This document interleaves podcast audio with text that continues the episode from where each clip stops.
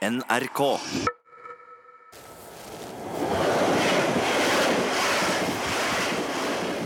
Toget bare suser forbi Dilling stasjon noen kilometer syd for Moss.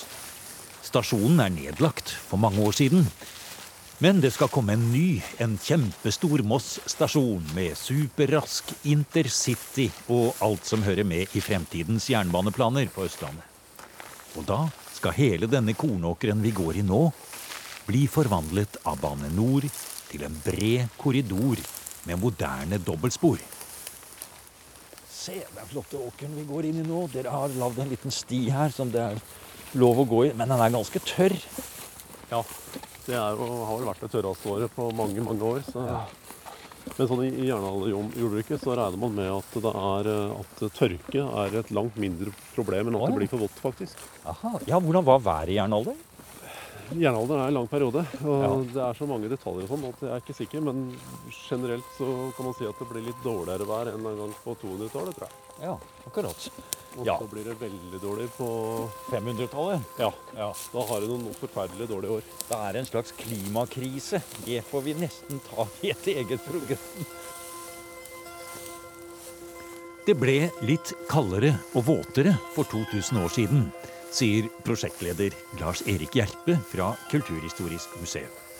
Han har ledet flere store graveprosjekter i Vestfold langs den nye E18. Han er ekspert på hus og bosetting og rettigheter til jord og eiendom i jernalderen. Nå leder han en toårig arkeologisk undersøkelse av et stort felt ved gamle Dilling stasjon, midt i et område i Rygge i Østfold som er rikt på kulturminner. Vi er bare noen få kilometer fra Oslofjorden, og nesten enda nærmere er den store innsjøen Vannsjø, som ble demmet opp av raet etter siste istid. Her var det flott for jernalderens bønder å slå seg ned. Det, er, det ligger liksom oppå, oppå der. Det er den ene klynga. Ja. Og så har vi ei lita klynge som ligger rett utpå der. Så står vi her. Og så ligger det en ny klynge der, klynge der og en klynge der. Så vi har liksom de husområdene. da. Ja. Så til sammen 100 hus som, som sprer seg sånn. Så har vi gravene oppi her. Et eller annet sted. Du ser dem ikke her. altså. Nei, de ligger akkurat i overkant av de husene. Så de, Ja, der ja. de, så, Alt er eh, på skjermen. ja, det er jo Ja, det- vi bruker, vi bruker eh, det veldig aktivt i ja. prøve å finne de husene og ulike strukturer og sånne ting. Så er det en aktiv del av det. Alt er på data i moderne arkeologiske utgravninger. Og det er Linnea S. Johannessen som er ansvarlig for at alt som har med geografiske informasjonssystemer, som det heter, er på plass. Og det er mye å holde styr på. Vi hørte prosjektleder Lars Erik Gjerpe si at det er funnet spor etter 100 hus i dette området. Det er veldig mange jernalderhus på samme område. Så mange at det er svært få steder i Norge som har noe lignende. Har det vært en landsby? Har det vært gater? Har det vært åker og eng med dyr og gjetere? Har det vært dugnader i Slåttonna? Var det festplasser med liv og røre? Her må vi stoppe litt, Linnea. Nå har vi kommet gjennom åkeren. Og nå ser vi noe som ligner på et eh, typisk feltarbeid. Her ser vi her ser vi en del sånn oransjekledde arkeologer. De står bøyd og de holder på. Og utover rundt oss så ser vi For det første så ligger det jord bak oss som tydeligvis har tatt bort av gravemaskinen. Det er tatt bort av gravemaskinen, så det Ja. er jo Ja. Innledningsfasen så er det vårt Ja. primære verktøy. Det er gravemaskinen. Og det, det er jo et ganske stort område dere har avdekket her. da. Det er det. Eh, på den største lokaliteten som vi graver på disse to årene, så er det ca. 80 dekar. 80 dekar, ja. Ja. Eh, og eh, vi åpna halvparten i fjor, så nå åpner vi resten Ja. av den lokaliteten. Ja. Eh, så mm, Og her står det jo fullt av sånne små røde markører rundt omkring. Alt dette er inne på dataskjermene, og de representerer funn eller andre oppmålingspunkter. Ja. Eh, alle markørene i, i felt som vi ser utover her, de viser stolpehull, kokegroper, ildsteder, veggrøfter og andre strukturer, arkeologiske strukturer som vi har funnet. Da. Eh, og disse prøver vi å sette sammen eh, i et system. eh, for å se om hvor mange hus, i hvert fall for stolpene, hvor mange hus vi har, og om det er flere hus som overlapper, om det er flere hus som har flere faser i seg. da. Mm. For Lars Erik, det som er et spørsmål her, da. Du sier at det, ja, det nærmer seg 100 hus, og vi har 16 graver. Det er veier, det er grøfter. Det er eh, også en helt naturlig plassering i forhold til raet. Dette er et mønster som man kan nesten være fristet til å si her var det en jernalderby. Men så er det det Var disse husene her samtidig? Eh, Noen av dem har nok vært det, men hvor mange som har stått samtidig, og sånt, det, det, det veit vi foreløpig ikke. Altså, vi, vi er jo veldig avhengig av C14-dateringer for å få dette ned presist nok til å kunne si om de har stått samtidig. Men vi regner med at et hus har stått i en sånn ja, minimum 30 år, da. kanskje 50. Og det er klart når du har da 100 hus fordelt på ca. 400 år, Mm. så, så er nok sannsynligheten for at en, noen har stått samtidig relativt høy. Så jeg, jeg tror vi kommer til å få, få det svaret at eh, det har stått samtidig i hus her. Og så passer det jo så helt utrolig bra med de andre tingene som ligger langs raet videre sørover her. Du har Missingmyr, hele Tunekomplekset, alt sammen helt ned til Glomma og oppover hit. Det lå jernalderhus hele veien her. Det må jo ha vært et eh, på si nær sagt, Altså beliggenhet, beliggenhet, beliggenhet. Det er jo det som teller i dag innenfor eh, eiendomsforvaltning. Og det må jo ha vært det samme den gangen, tydeligvis, for dette har vært et populært sted. må det ha vært det. Ja, og det, det ser også ut til at på nedsida av raet, nå er vi jo rett sånn i overgangen til, leire, til leirslettene. Det ser ut til å ha vært uh, veldig populært i, uh, ja, rundt Kristi fødsel og kanskje litt tidligere. Og så ser det ut til at man flytter seg litt etter det. Og jeg tror her vi står nå, det er ikke så godt å se, men utpå der så har det vært noe som ligna på et våtmarksområde. Antagelig med veldig godt beite. Ja. Og så har vi jo jorder og, og tørt og ra bak oss. Ja. Så, så den at her har de nok plassert seg akkurat i overgangen mellom, mellom god jordbruksjord og beite. Aha, Så vi er altså rundt uh, Kristi fødsel pluss minus 200 år. Og det det dreier seg om, Linnea, det er korn, og det er dyr. Hva slags dyr? Eh, hva slags dyr de har hatt? De har i hvert fall hatt eh, storfedyr, vil jeg si. i hvert fall. Jaha. Så de kan ha hatt eh, kuer, kanskje de. Sauer, kanskje de har hatt. Ja. Ja. Som, Eh, som gikk og beita her nede på Som gikk og beita her, ja. Nå skal vi gå litt ut i terrenget her, og vi skal litt ut og se på selve lokalitetene her. Og der ser vi gresset og det brunsvidde gresset, og så kommer kornåkeren. Under der, eh, Lars Erik, hva ligger der? Under der så lå det i hvert fall. Der lå det 30-40 hus fra, fra jernalder. De har vi nå gravd ut. Og så er matjorda fylt tilbake, og så skal det dyrkes her et par år før, eh, før Bane Nor bygger. Mm. Og hva med graver? Ja, det stemmer det. Vi hadde en 15-16-17 eh, kremasjonsgraver der. De eh, igjen, også de fra stort sett før, rett før Kristi fødsel og rett etter. Der har man rett og slett Noen har dødd, så har man kremert liket. Samla sammen det grøvste av de brente beina. Ikke alle, men det grøvste. Og så har man lagt i en beholder enten av I ett tilfelle så var det keramikkrukke. Eh, ellers så har vi stort sett ser ut som det er sveipa kar eh, lagd av bark, og så tetta med, med bjørketjære i bånn. Sånn at, og det er den, det er den der ringene av bjørketjære vi finner, sammen med de brente beina og litt trekull. Det står rett under, eh, under markoverflata nå, eller rett under pløyelaget. En liten nedgraving eh, 30-40 cm under pløyelaget, og så ja, gjerne en halvmeter i diameter, kanskje. Rett inntil husa. Ja, det ser ut til i hvert fall ett hus ser ut til å ha vært eh, samtidig. Det, det kan hende at de eldste gravene er litt eldre enn huset, men de yngste gravene er nok eh, samtidig med huset. Sånn at vi har hatt eh, et lite gravfelt som har ligget rett, rett utafor bygningen. Mm, Man bodde sammen med de døde, nær sagt. Ja, det er jo en av de karakteristiske trekka ved, ved det hele det førkristne samfunnet. At, at gravene har hatt, hatt en stor betydning. De har inngått i det dagligdagse landskapet, både som markører av, av, av sosiale rettigheter og status. og Kanskje vært med på å organisere landskapet med, med rettigheter til beite og dyrking osv. Så, videre. så de, de, altså, det er jo det som skjer med, med kristninger. blant annet. Da, da, da samles jo gravene, og hele den, den delen av, av landskapet går i oppløsning.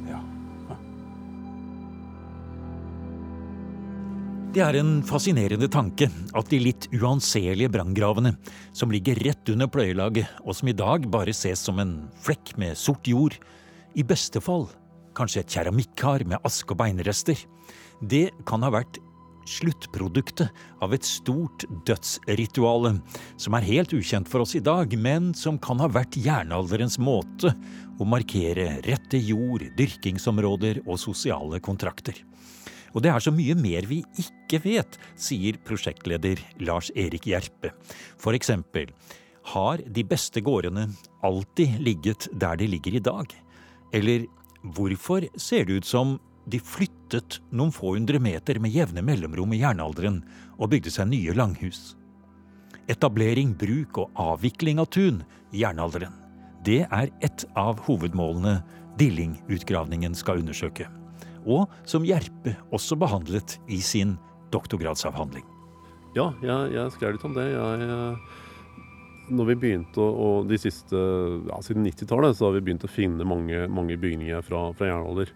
Og før det så tenkte man at bygningene lå under altså At dagens uh, gårdstun, eller historisk kjente gårdstuna, ble etablert allerede ved Kristi fødsel, kanskje. At det ikke var så mye vits i å leite etter disse, disse gårdene i liksom, det ordentlige jordbrukslandskapet det, det, man fant av bygninger, sånn, det var gjerne i det som i dag er, er marginale jordbruksområder. Man tenkte seg liksom at, at man bygd på hus på hus på hus siden, siden Kristi fødsel omtrent. Men så når vi begynte å finne disse husene, så begynte jeg å lure liksom på åssen kan det henge sammen med, med, at man tenker seg at dagens gård går så langt tilbake og sånn. Så jeg mener vel at det skjer skjer noen endringer både sånn 200 før Kristus kanskje, 200 etter Kristus, 400-500-600 etter Kristus. Og så på 700-tallet og framover så begynner man å se dagens Eller det jordbrukslandskapet man kjenner fra skriftlige kilder fra middelalder og mm. fra tidlig kart og sånn. Mm. Så jeg mener at det har skjedd noen brudd der, mens andre mener at det har, skjedd, har vært en kontinuerlig gård. Vi er på Dilling i Rygge i Østfold. Der pågår det et stort arkeologisk feltarbeid før Bane NOR skal sette i gang med bygging av dobbeltspor. For 2000 år siden lå det minst 100 hus her. Og det må ha vært mange jernalderbønder som dyrket korn, gjette kuer og begravde sine døde og levde her. Vi går sammen med prosjektleder Lars Erik Gjerpe og feltleder Linnea S. Johannessen. Vi skal snart høre mer om de treskipete langhusene, og også de mer mystiske grophusene var det kanskje der slavene bodde. Men først litt tilbake til de døde.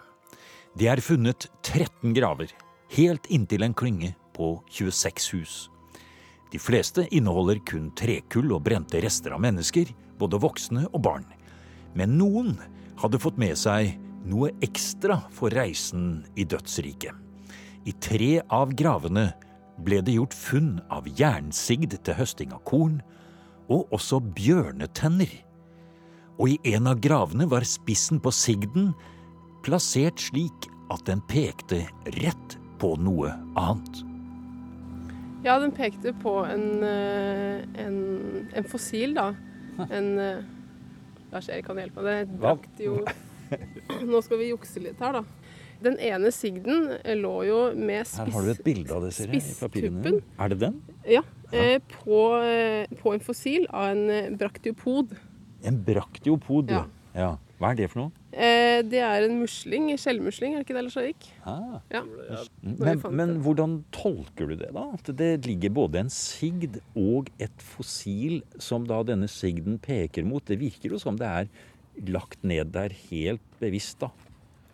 Ja, det virker som at det er intensjonelt gjort. da, At den, den sigden ligger akkurat oppå eh, oppå det fossile. Så eh, om, om eh, fossilet kommer eh, lokalt fra, mm. der, eh, eller om den kommer langveisfra, det mm. har vi ikke noe svar på.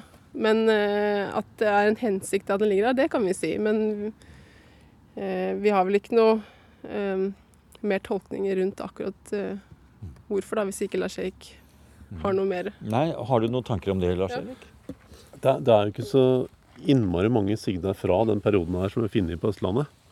Uh, og vi har funnet relativt få i, i, sikker kontekst. altså Noen av de funnene er ganske gamle, uh, og det betyr at man ikke har, uh, hatt noen mulighet til å datere det med hjelp av C14-metoden. Men nå har, der finner jo sammen med veldig, altså masse trekøl og brente bein som vi kunne datere. Så nå er vi helt sikre på at det er fra før romersk jernalder. Det, det er én ting. Fra Sverige og ja, Sør-Sverige og sånn, så, så veit vi at de er ganske vanlige å finne med kvinnegraver i den perioden her, sigdane. Så, så, men vi klarte dessverre ikke å få noe kjønn ut av de brente beina som var her. Nei. Men det er jo fristende å sette det i, i forbindelse med, med at eh, kanskje det med korndyrking var en, både en kvinneoppgave og en, en, en statusting for kvinner. Altså, grunnen til at vi er liksom litt så nysgjerrige på dette, det er jo at dette åpner jo på et lite vindu for oss inn i en tankeverden, inn i kanskje en kosmologisk tenkning, et eller annet som vi ikke vet noe om, og som det er veldig fristende å holdt jeg si, fantasere litt omkring. Og de som da levde i jernalderen, de kommer jo ut fra en historie som er bronsealderen før der, hvor vi kjenner til alle helleristningene og alle disse rituelle bildene som det kanskje er. Og så kommer vi til jernalderen, og det ting endrer seg, det forandrer seg. Det er religionsskiftene. Dette får vi aldri tak i, Lars Erik, men vi får noen små glimt av det. Ja, det, altså Gravskikken er jo først og fremst Det er jo en, må være en kosmologisk tanke bak dem, som du sier. Men like interessant for meg da, er jo ideen som ligger bak de treskipa husa, f.eks. Ja. Det sier jo altså Hvorfor i all verden har de valgt treskipa hus? Ja. De, Er det noe treskipa hus der borte? Nå peker jeg utover et jorde her. Er det det? ja, det er vel Ja, da går vi bortover det. 70-80 stykker. Ja. 70-80 stykker. Ja, til sammen er vel Ja. noe sånt vi har. Ja. Ikke alle ligger her borte, da, men Her kommer det fram en stålpull. Et litt stålpål. Ja. Du ser en hel rekke der, ja. Det er veggbærende. Det som er nærmest grøften, er veggen vi har. Ja. Vi har eldstäder midt i huset her. Ja. Det er et rett så langt hus, Rett så bredt. Men det er veldig tydelig. Ja. Og se hvordan det strekker seg utover. Det er ganske langt, ja. Og så bøyer det seg der oppe. Vi har en kortsida. Nettopp. Jeg må få navnet ditt også. Andreas Bolin. Malerkost, murerskje, skraper og et sånt redskap som man eh, tømmer båter med. Er det du Øsekar, ja. Et øsekar. Hva var ditt navn? Frida Frida Nordstein. Frida Nordstein. Du er på arkeologisk feltarbeid her på Dilling. Hva er det du gjør akkurat nå? Akkurat nå så renser jeg over eh, innsiden av eh, et langhus. Prøver å se om vi finner noen flere mulige stolpehull eller andre typer strukturer. Og nå er det veldig tørt, så akkurat nå så må vi bruke kost. Og det er jo ikke så veldig vanlig i arkeologi i Norge. Akkurat her er det noe stålpull her, da. Uh, ja, det er ikke så lett å si nøyaktig hvor stålpullrekkene går. Altså, alt det som er markert med spiker, Ja. kan være mulig stålpull, men som du ser her, så ligger jo ikke noen av disse på rekke. Nei. Så det er også mulig vi har flere faser av uh, et hus. Så eh, det kan være litt Stolpehullene ligger litt sånn eh, her og der akkurat nå.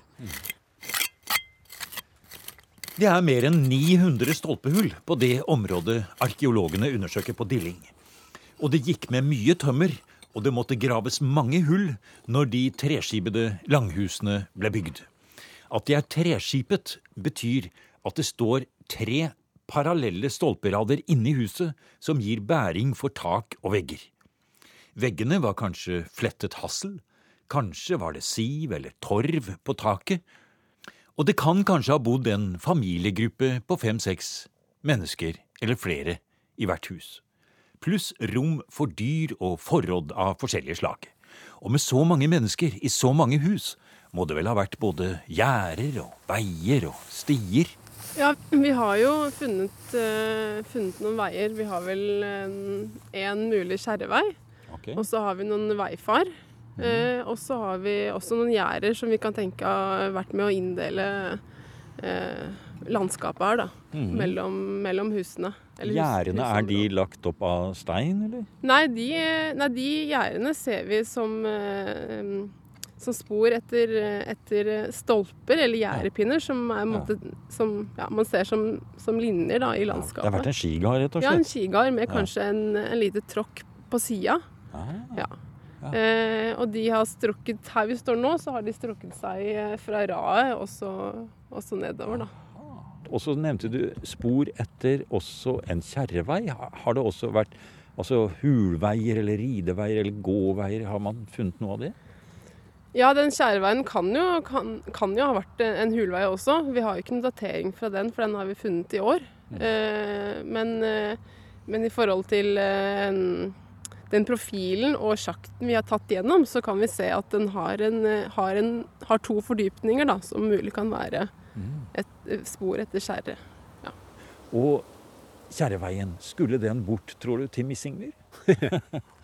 Ja, hvorfor ikke? Ja, hvorfor ikke? Hvorfor ikke? Ja, for der vet vi jo at du hadde Tunekomplekset og dette store Missingmyrhuset. Ja, Det er jo noe helt annet enn det vi ser her. Her ser det ut som vi ser en sånn jevne bondevelstand, hvis det går an å si det. Mens Missingen er jo noe, noe annet. Det er den andre Der bodde sjefen. Det er nok sannsynlig. Ja. Og i luftlinje er det ikke så fryktelig langt herfra. Nei, det er vel en Er det 15 km eller annet sånt? Ja, hvis det er så langt. Ja. Man kan eh, gå på en eh, dag, i hvert fall. Ja. Kanskje langs nettopp den veien som vi snakket om. Eh, I dette samfunnet som du nå ser stige frem rundt oss her, så, så tenker jeg sånn at det, flere, det er jo flere sånne steder i Norge som vi vet om hvor det har vært ansamling av jernalderhus. Forsandmoen kanskje. Det er vel utenfor Kristiansand også, i Etne. Og i Sverige vet vi jo det er flere av dem, rundt Grebbestad-området og andre steder. Altså, Ser du dette som en del av et bosettingsmønster i, eh, i jernalderen i Norge? Ja. Det, si, i, I den perioden vi snakker om her, så er jo er det et sånn skandinavisk fellesskap, kanskje, eller fellestrekk i, i byggeskikken. Men det som er så Det som gjør at de utgravingene her er viktige, er at vi får se lokale samlinger. Så vi kan finne de lokale byggeskikktrekka. Og da kan vi også lettere se endringene. De endringene vi ser, det er kulturelle endringer. Det er det som gjør, for meg, da, så veldig, veldig spennende. Vi kan også prøve å se forholdet mellom samtidige gårder, som ligger helt opp til hverandre. Jeg, du kaller det, kaller det landsby. Jeg, jeg ville kanskje kalle, jeg har begynt å tenke på om vi skal kalle det grend, rett og slett. Altså et, Ja. et, et sånn granne, Ja. grannelag, eller, eller grend. Altså, Ja. For landsbybegrepet er, syns jeg, er vanskelig å bruke. ja, for det er fra en annen tid. Ja, det er det også. Så er det, I Danmark så er det mye brukt om forhistorisk bebyggelse, og til en viss grad i Sverige også. Men det er noe annerledes med dem. F.eks. en sånn mye, sånn mye brukt definisjon er at det skal være minst tre gårder som ligger innafor en radius på 100 meter. For eksempel, og det, det kan hende vi har det her, men så er det også noe med krever en landsby at det er en form for fellesskap, enten i, i dyrking eller i beite, eller, eller holder at man bor i nærheten av hverandre. Altså, det er en del sånne ting. Så jeg, jeg tror at det norske ordet grend er, er, er brukbart.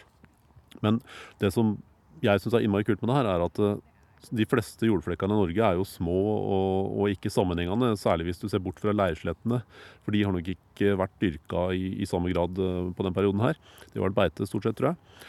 Men her har du liksom kunnet realisere idealsamfunn. altså Du, du kunne bygge åssen du ville. ikke sant?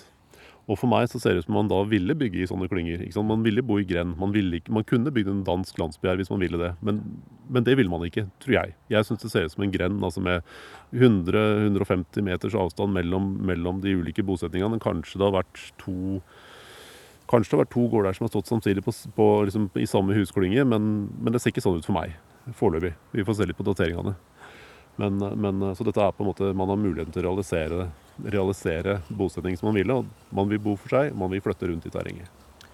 Det å gå rundt i sporene etter den 2000 år gamle jernaldergrenda på Dilling gir en følelse av å komme et lite skritt nærmere menneskene som bodde her den gangen.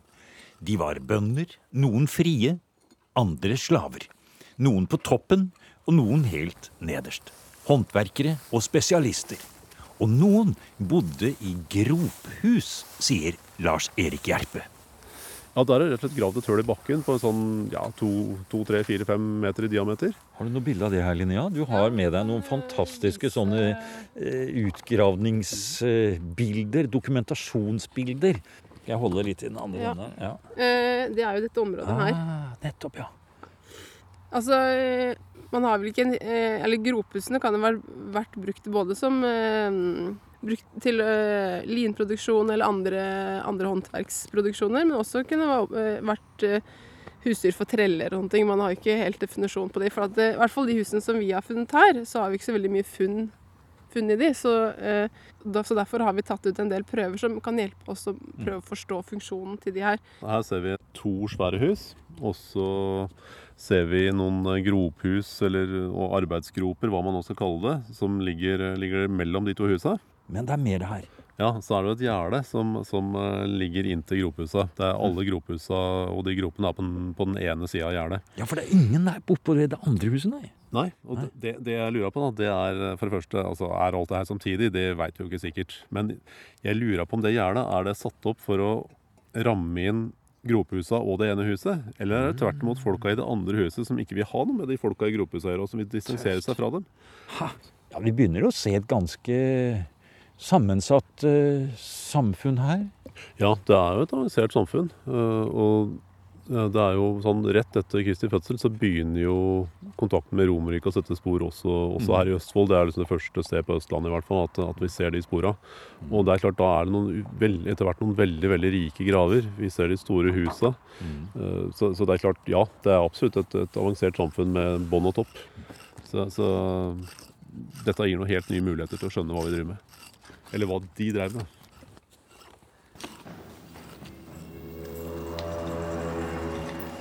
Du har hørt en podkast fra NRK P2.